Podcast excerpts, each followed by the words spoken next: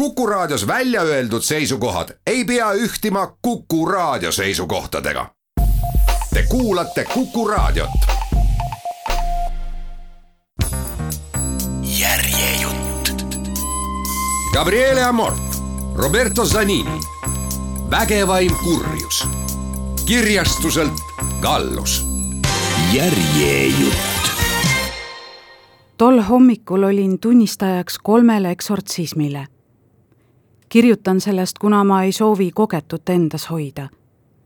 ma ei kahelnud teemonite olemasolus, aga kui oleksin ise mõnda kohanud, oleksin kadunud nagu lumi päikesega. eksortsismile eelnes nagu alati missa sel hommikul pühitseti see paari sammu kaugusel San Giovannist, metroojaama lähedal kirikus. ma ei proovinudki mõistatada, kes kohalolijatest võiks olla seestunud. Isa Amort oli mulle vaid öelnud, et nemad, kes istuvad vaikselt kogu missa ajal. lõpus aga võtavad vastu õnnistuse, ilma milleta ei oleks vabastamine võimalik. teised, kes kaua kestnud eksortsismile tuginevad, on endas suuresti taandanud vastumeelsuse püha suhtes. ma küll täheldasin missa ajal mõnes inimeses kummalist kuid nagu peagi selgus, olid mu tähelepanekud alusetud. Need kaks kohalviibijat, kes hiljem puhastumisele allutati, ei paistnud silma millegi iseäralikuga. eriti sügavalt jäi mulle meelde üks kahekümne viie aastane neiu. väliselt oli ta täiesti tavaline, oma olekult meeldiv, kuid kinnine. mis ajal istus ta endasse tõmbunult ühes viimastest ridadest peale missat asus isa Amort kõrvalruumis tegema ettevalmistusi eksortsismiks. Ta õnnistas kõiki kohalolijaid ja esemeid, samuti vett pudelis, mis oli mõeldud janu kustutamiseks sel kuumal suvehommikul. isa oli palvetanud ja vaatas keskendunult tabernaaklit. vähemalt nii mulle kõrvalt vaadates näis esimesel eksortsismil kutsus isa Amort mind enda kõrvale istuma ma võtsin tooli ja lähenesin seina ääres olevale voodile. sellele pani ta lamama naise, kes pidi rituaali läbi tegema. kuna ruumis oli palju inimesi, leidsin vabanduse, et eemale nihkuda. õhkkond oli vaba. ma seadsin oma tooli ruumi keskele, laua kõrvale, millel olid esemed. nii teevad need, kes parema meelega jäävad sündmuste keskmest natuke eemale seda nõudis ka ajakirjaniku töö, et saaksin toimuma hakkavast parema ülevaate. Minu kõrval olid kaks naist, roosipärjad käes. kaks inimest istusid ruumi teises otsas, keegi mees ja naine. ka nemad otsisid taskutest palvehelmed ja hakkasid nendel lugema palvet. inimesi oli ootamatult palju, kuid ruumi keskelt oli mul kõigest hea ülevaade voodi kõrval seisis isa amorti kõrval veel kolm vaimulikku, lisaks üks mees ja kolm naist. Eksortsismide ajal jäi kirik suletuks. uksed avati vaid neile, kellega oli määratud kokkusaamine. isa Amort oli rõhutanud, kui hoolsad peavad eksortsistid olema kaastöötajate valikul ning kuidas ta kadestab neid, kes omi palverühmi moodustavad igal eksortsistil on vaja inimesi, kellega koos palvetada just palve läbi kurjad vaimud ilmutavad ennast ja siis põgenevad. Tema öeldu põhjal järeldasin, et siinviibijad ei olnud kokku tulnud just päris juhuslikult. rühm kogunes kaks korda nädalas kell kaheksa hommikul, et koos isa Amortiga palvetada ja tuua kuri valguse kätte. Nende seas istudes sõrmitsesin samuti roosipärga, mida sõrmusena alati sõrmes kannan ma poleks arvanud, et võin seda kunagi teha nii pingsalt kui toona. Palve ja pühendumus Maarjale olid minu jaoks alati olnud kaaslased eluteel. kuid tol päeval mõistsin tõeliselt, miks me palvetame ja et ilma palveta ei ole võimalik elada tõeliselt vabade inimestena. isa Amort hakkas retsiteerima pikka eksortsistlikku vormelit muistsest ladina riitusest ta kasutas alati seda ja mitte kõige hilisemat uut rituaali. Olgugi, et mõned peavad esimest liiga varaseks ja seetõttu tarbetuks. selle mõistmiseks tsiteerin ühe tuntud ja värvika eksortsisti öeldut, kes suri mõni aasta tagasi. täpsemalt Benedictine Pellegrino Erneti oma. et teemoneid välja ajada, on vaja püha vaimu sekkumist ja siis vaid lööki. kõik muu ei loe. neli preestrit palvetasid valjusti. Voodi kõrval istuv tüdruk hakkas mahedal häälel laulma Gregoriani koraali ja meloodia oli rituaali taustaks. lamav naine muutus ärevaks. tema suu tõmbles ja ila voolas välja tema taga hoidis üks jõuline tüdruk ta pead ja pühkis seda taskurätiga. siis kandusid tõmblused edasi kehasse. inimesed voodi ümber hoidsid naise käsi ja jalgu, vaid ta kõht sai liikuda. See vappus ebaloomulikult. seda ei saa täpselt edasi anda, tõepoolest, ta sees oli midagi, mis rabeles ja tõmbles igas suunas, justkui otsiks väljapääsu. suust kostis röginaid. algul olid sõnad arusaamatud siis aina enam selgemad. hääl oli ebainimlik, absoluutselt võrreldamatu sellega, mida kuulsin pärast eksortsismi. kui isa Amort oli palve lõpetanud, hakkas ta naist küsitlema. Vastas mitte naine, vaid midagi, mis ta sees liikus ja tekitas röginaid ning hääli. see ütles mõnel korral peaaegu paluvalt. ei, ei, ma ei taha välja minna, ma ei taha välja minna see oli tema. nagu teada sain, on paljudel olulisematel kurjadel vaimudel oma nimi ja kindel iseloom. seejuures ei pruugi inimeses pesitseda vaid üks teemon, vaid mitu. Kähisev hääl naise seest vastas isa amortile tõrksalt. seda oli õudne kuulda kuid ma ei pööranud sellele liialt tähelepanu, sest olin süvenenud oma roosipärja lugemisse. ühte kohta mäletan aga selgesti isa Amort küsis, kes oli see inimene, see needja, kes teemoni välja kutsus, et ta naise sisse juhatada. vastuseks kostis hirmus röögatus ja lämbuv kägin korraga.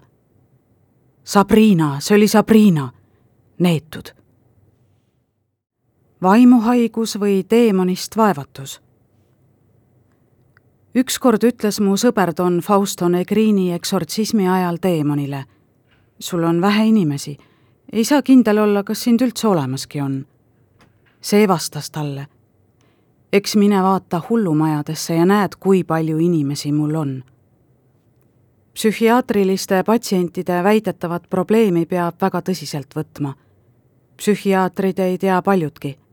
ihulik meditsiin on pikkade sammudega edasi jõudnud, läbi teinud määratu arengu haiguste mõistmises ja ravis. kuid mis psüühikasse puutub, on kliiniliste tõbede põhjused ja ravi endiselt maha jäänud. võib öelda, et enamikul juhtudel sõdivad psühhiaatrid tühja. Olen kindel, et nende hulgas on ka selliseid, kelle tööst seitsekümmend protsenti seisneb teise psühhiaatri vale ravi parandamises. olen psühhiaatritega palju koostööd teinud. religioosseid inimesi on nende hulgast raske leida, kuid ma tean, et maailmas on hulk juhtumeid, kus haigus näib olevat psüühiline, kuid ei ole seda. teistel juhtudel raskendab vaimuhaigust ränk seestumus. Loomulik on selgitada asjade toimet põhjuse ja tagajärjena, kuid see pole alati põhjendatud olen nendel teemadel tihti vestelnud oma psühhiaatrist sõbraga, kes on käinud paljudel mu eksortsismidel ja on mõistnud, millised võivad olla teemonlikud toimed inimese psüühikale algul ei tahtnud ta saatanat uskuda, kuid siis pidi nõustuma. Ta võimaldas mul kohtuda kuuekümne väga kõrgel tasemel psühhiaatriga, kellega mul olid ülimalt huvitavad diskussioonid. Nendest kujunes eraldi raamat.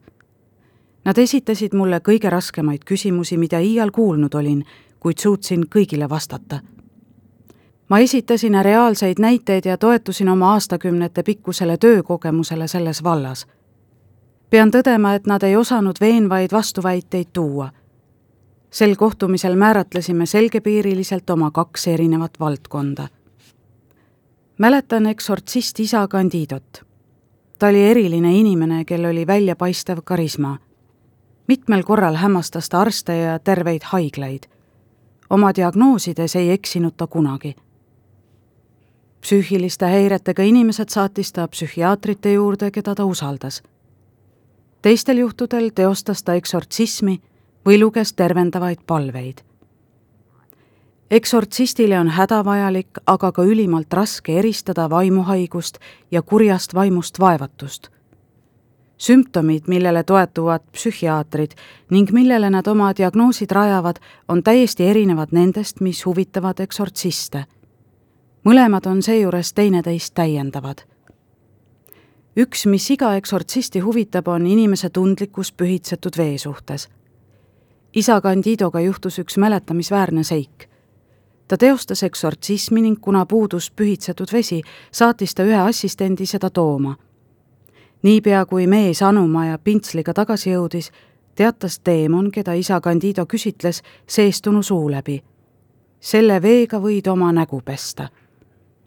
ja tegelikult oligi see tavaline vesi, kuna anum oli täidetud käärkambri kraanist lastud veega. Põrguline taipas erinevust otsekohe mitmel juhul piisab vaid ühest sahmakast pühitsetud veest, kui inimese sees peituv teemon hakkab kisendama. aitab, aitab, see kõrvetab. kuna kurjad vaimud kardavad pühitsetud vett, siis on ülioluline eristada seda harilikust veest. mõnikord palun inimeste pereliikmetel teha inimesega katse, et selgitada, kas teda ikka vaevab mõni saatana käsilane hiljaaegu oli ühe kahekümneaastase neiuga säärane juhtum vestluses tema emaga jäi õhku tugevaid kahtlusi. nii soovitasin tal salaja valmistada pühitsetud veega roog, mis ta tütrele meeldis ning tuua see kogu pere jaoks söögilauale. naine otsustas suppi valmistada. keegi ei teadnud katsest midagi ja kõik sõid, aga mitte see tüdruk, kes lükkas taldriku kõrvale vabandusega, ma ei soovi seda suppi süüa järgmisel päeval kordas naine katset pühitsetud veega ühes teises roas ning tulemus oli sama.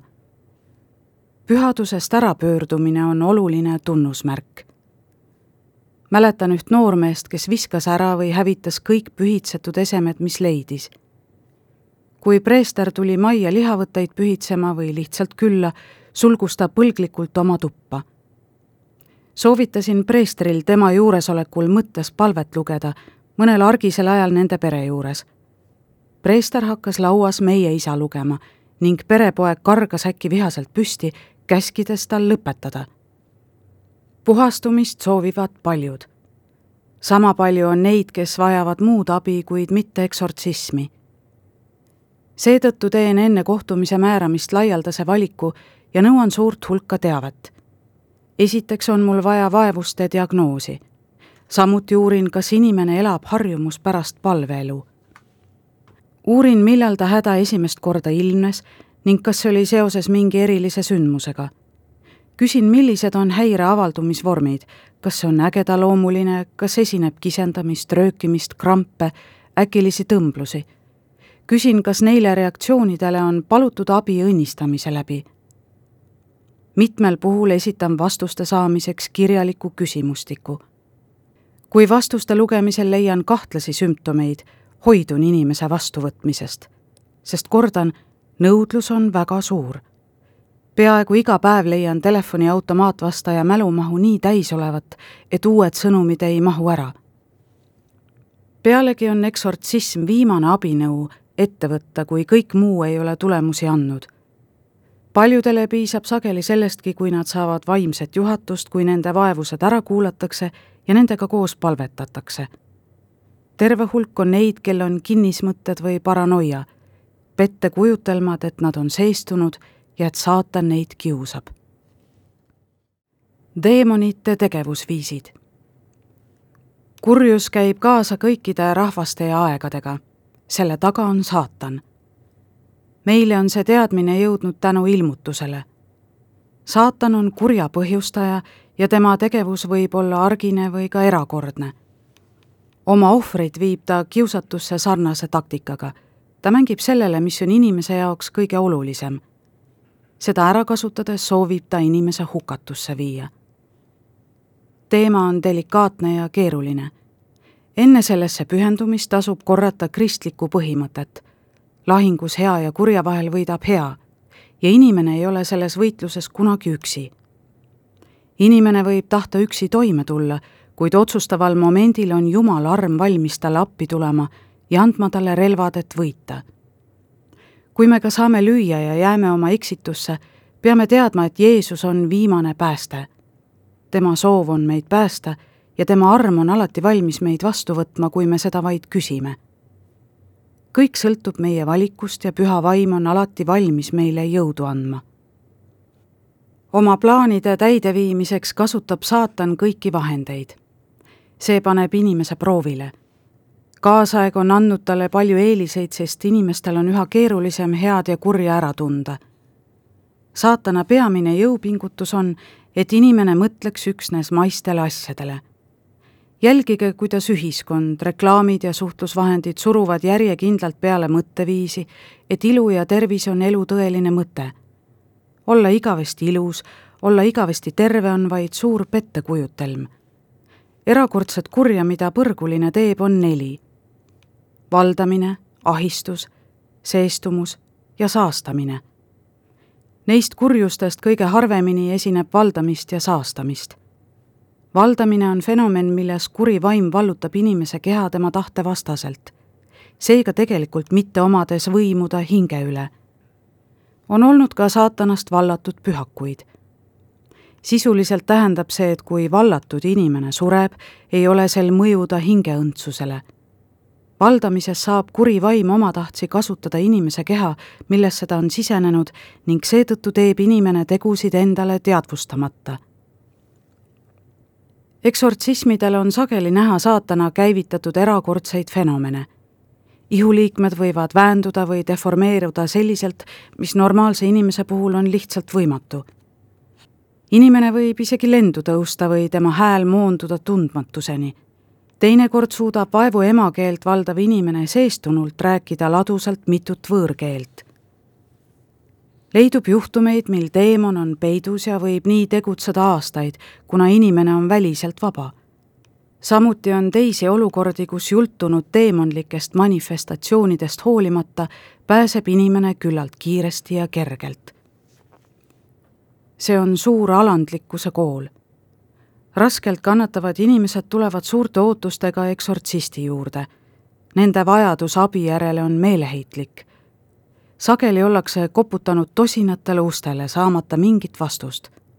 on käidud haiglates, arstide, psühhiaatrite juures, viibitud psühhiaatrilisel ravil, võetud psühhofarmakone, kulutatud raha psühhoanalüütikute peale, käidud operatsioonidel.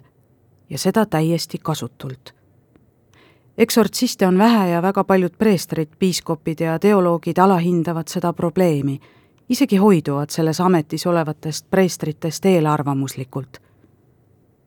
nii tulevadki inimesed, kes on põrkunud vastu mõistmatuse müüri, meie juurde täie usaldusega.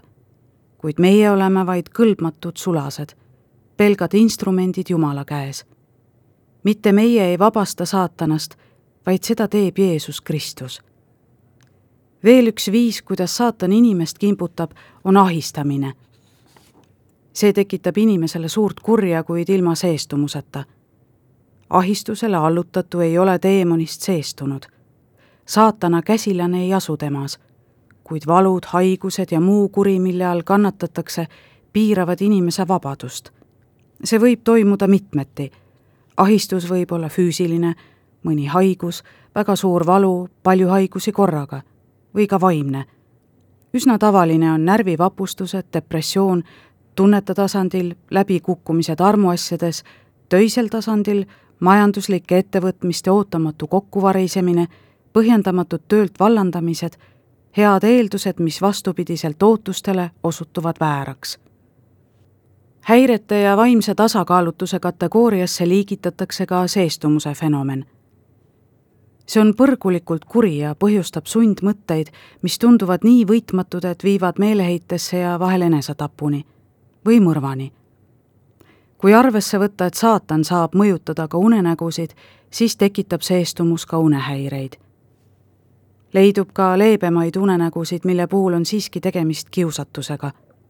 seksuaalne ärakasutamine või sarnased rünnakud kellegi lähedase vastu mõned unenäod põhjustavad suurt hirmu ja ei lase magada. Massimeedia kasutab neid teemasid sageli ära ja me ei saa mööda vaadata sellest, kuidas kuri meedia kaudu toimib. õudukad, vägivallafilmid, porno, füüsilise või psüühilise ärakasutamise teemad, eriti kui need on seotud esoteeriliste praktikatega, teatavad animafilmid. Need on saatana poolt sisendatud unenägude lemmikteemad. saastatuse fenomen puudutab veel hooneid, objekte, vahel ka sakraalseid loomi. Need on väga rasked juhtumid ja tihti seotud saatana tegevusega, millest ei ole kerge välja pääseda. selleks võib vaja minna drastilisi meetmeid, näiteks oma kodu maha müüa. nõiad, posijad, ennustajad posijatel ja ennustajatel on oma roll selles, et kurjad vaimud inimeste ellu tikuvad selgeltnägemine ja nõiakunst on saanud laialt levinud nähtuseks, mida võimendab televisioon ja internet. sellest on saanud omaette äri, mis on võrreldav teleshoppamise, pornograafia ja erootikatelefonidega. see on lihtne äri, kuna kurjus ei nõua mingit vaimset pingutust. see garanteerib suured sissetulekud suurelt hulgalt hädasolijatelt, kel on vähe vaimset sügavust ja on kergesti manipuleeritavad sama loogika järgi saavad telejaamade omanikud eetrisse paisata öö läbi tegutsevaid kanaleid, kus neiukesed reklaamivad erootikaliine. tulemus on alati sama. leidub rikutud inimesi, kes teenivad teiste rikkumiste pealt. vaimsed tagajärjed muidugi erinevad inimeseti. Nende hulgas, kes posijaid külastavad, on kõige erinevamaid inimtüüpe. majanduslik jõukus ja kultuuritase ei mängi siin rolli Need on inimesed, kel on sageli raskusi suhtes pühaduse ja eriti katoliku kirikuga. leidub palju haritud inimesi, vippe, kes nõidadesse usuvad ja kellest on ajalehtedes palju juttu. nagu leidub paljusid, kes alustavad päeva horoskoobi uurimisega. samuti on palju uskmatuid või kirikuvastaseid, kes on kiired usutõdede peale solvuma ja ei oska pealtnäha sarnastel asjadel vahet teha selles valdkonnas on raske eristada eri uskumusi isegi formaalselt, kuna tegu on ida filosoofia praktikate, ravimeetodite, panteistlike või sünkretistlike uskumuste spektriga, kus ei puudu ka New Age ja väidetavad tuleviku ettenägemised. eriti on need seotud uue aastatuhande müütide või tumedate isikute salapäraste ja arusaamatute kirjutistega Nende teemade ümber on ehitatud rikkalikud meedia- ja ärivaldkonnad filmi, tv ja raadioprogrammid, raamatud, ajakirjad, mänguasjad, reklaam, laiatarbekaubad. piisab, kui vaadata televisiooni, käia kinos, surfata internetis ja siis jälgida noorte käitumist, nende keelekasutust, riietumist ja kombeid, mis on aina vägivaldsemad ja madalamad sugudevahelises suhtluses ja elus mood on sellest seisukohast uute moraalsete suhtumiste esmane tõukejõud faktist, milline on väga paljude moeloojate seksuaalne sättumus, tuleneb viide igalaadsete defektide läbivale loogikale. see elab end täielikult välja riietumise laadides ja noorema generatsiooni ihulikus olemises. aina udusemaseks muutub piir mehelikkuse ja naiselikkuse vahel. noorte riietumislaad on agressiivne ja vägivaldne salalikult levivate T-särkide, jalatsite, peakatete ja jakkide tegumood ja disain on ohvri toomine saatanale kõigi ta nimede all. saatana sümboolika on muutunud harilikuks laiatarbekaubaks. nõidade, selgeltnägijate ja käelugejate kohta võib öelda, et enamus on petised. Nende ainus eesmärk on oma ohvritelt raha välja pressida Nende saatanlikkus, kui kasutada seda sõna petturluse mõttes, on siin kitsama tähendusega, sest mõte on inimesed rahast lagedaks teha. tagajärjed on tõsised, sest paljud petetud ja nende pered lõpetavad vaesuses. Nende tegevuses on midagi, mis tekitab inimestes vaimset ängi ja eemaldab neid tõest. see on üks saatanlikke tegevusi, eemale viia inimesed Jumalast ja meelitada nad hukatusse sootuks teine teema on maagid, kellel on reaalseid võimeid seejuures kuratlikke. Pole oluline, kas on must maagia või nõndanimetatud valge maagia. iga juhtumi puhul tuleb vahet teha, sest iga jõud, mis ei ole otse Jumalalt, tuleb kurjast. nõiad, võlurid, posijad, need on vananenud sõnad, mida tuleb mõista nende algses tähenduses, täpsemalt siis inimestena, kes toimivad kurja vahendajatena Nad omandavad kurjad võimed, mille abil tahetakse järgijaid värvata ning mille abil saab needusi peale panna. Neid on mitmesuguseid. olles eriti osavad kasutama meediat klientide püüdmisel, võivad nad olla väga jõhkrad. on üllatav, kui paljud on valmis neid uskuma turul end avalikult pakkuvate nõidade kõrval on ka neid, kes toimivad salaja, kuid teevad seda niisama tõhusalt. välistest erinevustest hoolimata tegutsevad nad samamoodi kui tuhandeid aastaid tagasi. Nende toimingud, žestid, kasutatavad materjalid on igivanad, pärit ajaloo ja perverssuste kõige pimedamatest aegadest. tume maailm täis tegusid, rituaale needmise rituaale, kurja väljakutsumisi, maagilisi pulbreid, jooke, konni, hiiri, madusid, musti kasse, nööpnõelu, kaltsunukke, menstruaalverd, roostes naelu, kummalisi metallist esemeid ja nii edasi. Need on asjad ja loomad, mille abil kurja riitusi läbi viiakse. ja pole kahtlust, et need toimivad Nende kaudu tegutseb saatan otseselt inimeste kallal, kellele needus on määratud.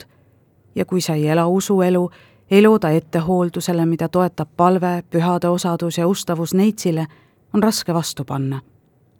sama kehtib edaspidise kohta, see tähendab, kui see kuri on teoks tehtud. Seepärast vabastame end eriti raskete juhtumite puhul eksortsismis neist asjust palvega, sakramentide talitamisega, Jumala armu kutsumisega ka palverännakud pühapaikadesse on vajalikud. ja vastupidi, mõni lihtne kuri mõju, mida sellisena ei võetagi, võib aeglaselt kalestada meie hinge ja vältimatult viia meid kurjale teele. teadmatuses ühiskond. Õndsad on vaevatud, sest neid lohutatakse. sõna lohutus ei viita siin usalduse puudusele, lootusetusele, ei viita neile, kel lootus üldse puutub neile, kes ei annagi oma eksistentsile mingit tulevikulist võimalust. vastupidi, see on määratud neile, kes on leidnud Jumala tee ning vastavalt ka toimivad, kuid jätkuvalt peavad vastu vaenulikule maailmale. me elame kurjusest ähmastatud ühiskonnas. Võttes arvesse nende vahendite rohkenemist, millega kurja tehakse, võib öelda, et meie ühiskond on kurjale rohkem avatud kui varem läänemaine üldine jumalatus levib kiiresti, tekitades määratu suurt vaimset tühjust ning pahelisust. me oleme tunnistajaks suurte katoliiklike rahvaste aina edenevale dekristjaniseerumisele. me näeme pühapäevasel missal osalejate arvu vähenemist. Küll näiteks Iirimaal ja Poolas on kirikud ikka rahvast täis nagu kolmkümmend või nelikümmend aastat tagasi, kuid nendegi rahvaste puhul võime mõista, miks kristlik usutunne aegamööda taandub. ühed peamised põhjused on siinkohal skandaalid, millesse on mässitud paljud preestrid ja usutegelased. selle tulemusena ei vähene üksnes praktiseerivate katoliiklaste arv, vaid ka nende, kes end lihtsalt kristlasteks või usuinimesteks peavad klerikaalid ise on läbi teinud raske kriisi, kus ilmnes kutsumuse allakäik ühes sellele eelnenud vigadega nii on kurjal hõlbus elu, olgugi tema tegevus ja trikid avalikult nähtavad. tegelikult toimib teatav mehhanism, mis ei lubagi mõelda ühiskonna ebaterve käitumise põhjuste üle. inimesed, nende hulgas paljud katoliiklased ei mõistagi neid trikke, mis neid orjastavad ning väärastavad nende mõtteid praeguse avaliku arvamuse järgi võtabki voorus poliitiliselt ebakorrektse vormi ning kuri, võimendatuna ajastu sümboliks, areneb edasi, haaratuna vabadusest. ehkki ajalugu näitab, et inimkonna halvimad küljed on juba korduvalt ja põhjalikult läbitud. paavst Paulus kuues on pool sajandit tagasi öelnud, et üks suuremaid kiriku vajadusi on kaitse kurja vastu. selle kurja, mida põhjustab saatan kurjus ei ole enam headuse puudujääk, vaid elav, vaimne, väärastunud ja väärav, kohutav reaalsus, salajane ja hirmuäratav. see on varjatud vaenlane, kes külvab eksitust ning õnnetust inimajalukku.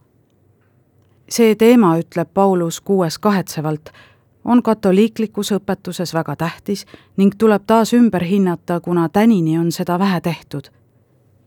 kõik patt ei ole otseselt saatanliku tegevuse tulem. Kuid igaühele, kes teatava moraalse karmusega ennast ei jälgi, võib langeda osaks eksimus, millele viitab ka püha Paulus oma teises kirjas Thessaloniklastele. see muudab meie lunastuse probleemseks. paavst tuletab sellega meelde, et saatan toimib siis, kui Jumala eitus muutub radikaalseks, teadlikult absurdseks kui vale on reegliks muudetud silmakirjalikkus ning meelega suunatud ilmse tõe vastu. Kui armastuse asendab külm ja halastamatu vihkamine, kus evangeeliumi vaim müstifitseeritakse seda eitades, kus meeleheidet kuulutatakse kui viimset sõna.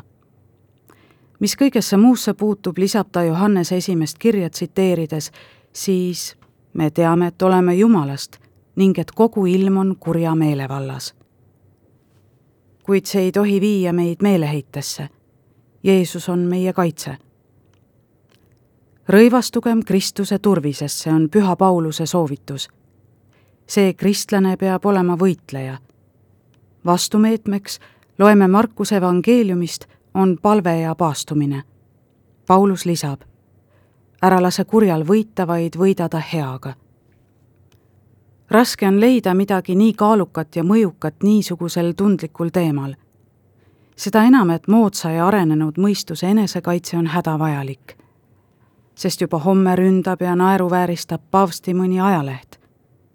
no kuidas siis saab, küsitakse nii kõrgesti haritud inimene nagu üks kahekümnenda sajandi paavst, ikka püsida sarnaste eelarvamuste juures, mis on pärit nõiajahtide pimedast ajastust Need kirikut süüdistavad sõnad on korduvalt kõmanud viimased kolm sajandit järjest.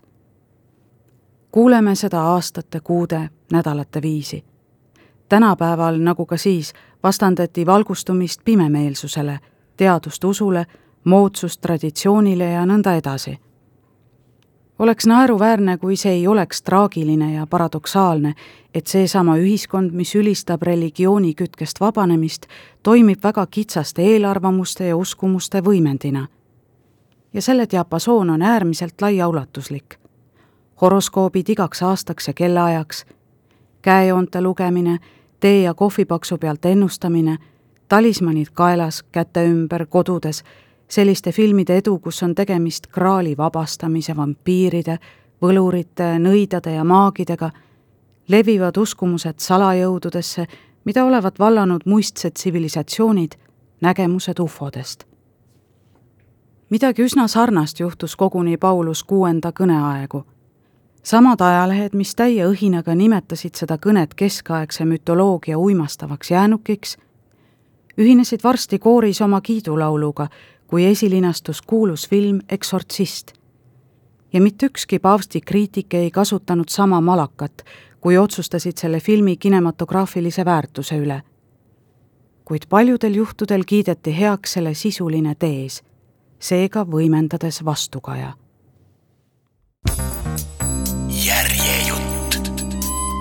Gabriele Amort, Roberto Zanini, vägevaim kurjus kirjastuselt Gallus.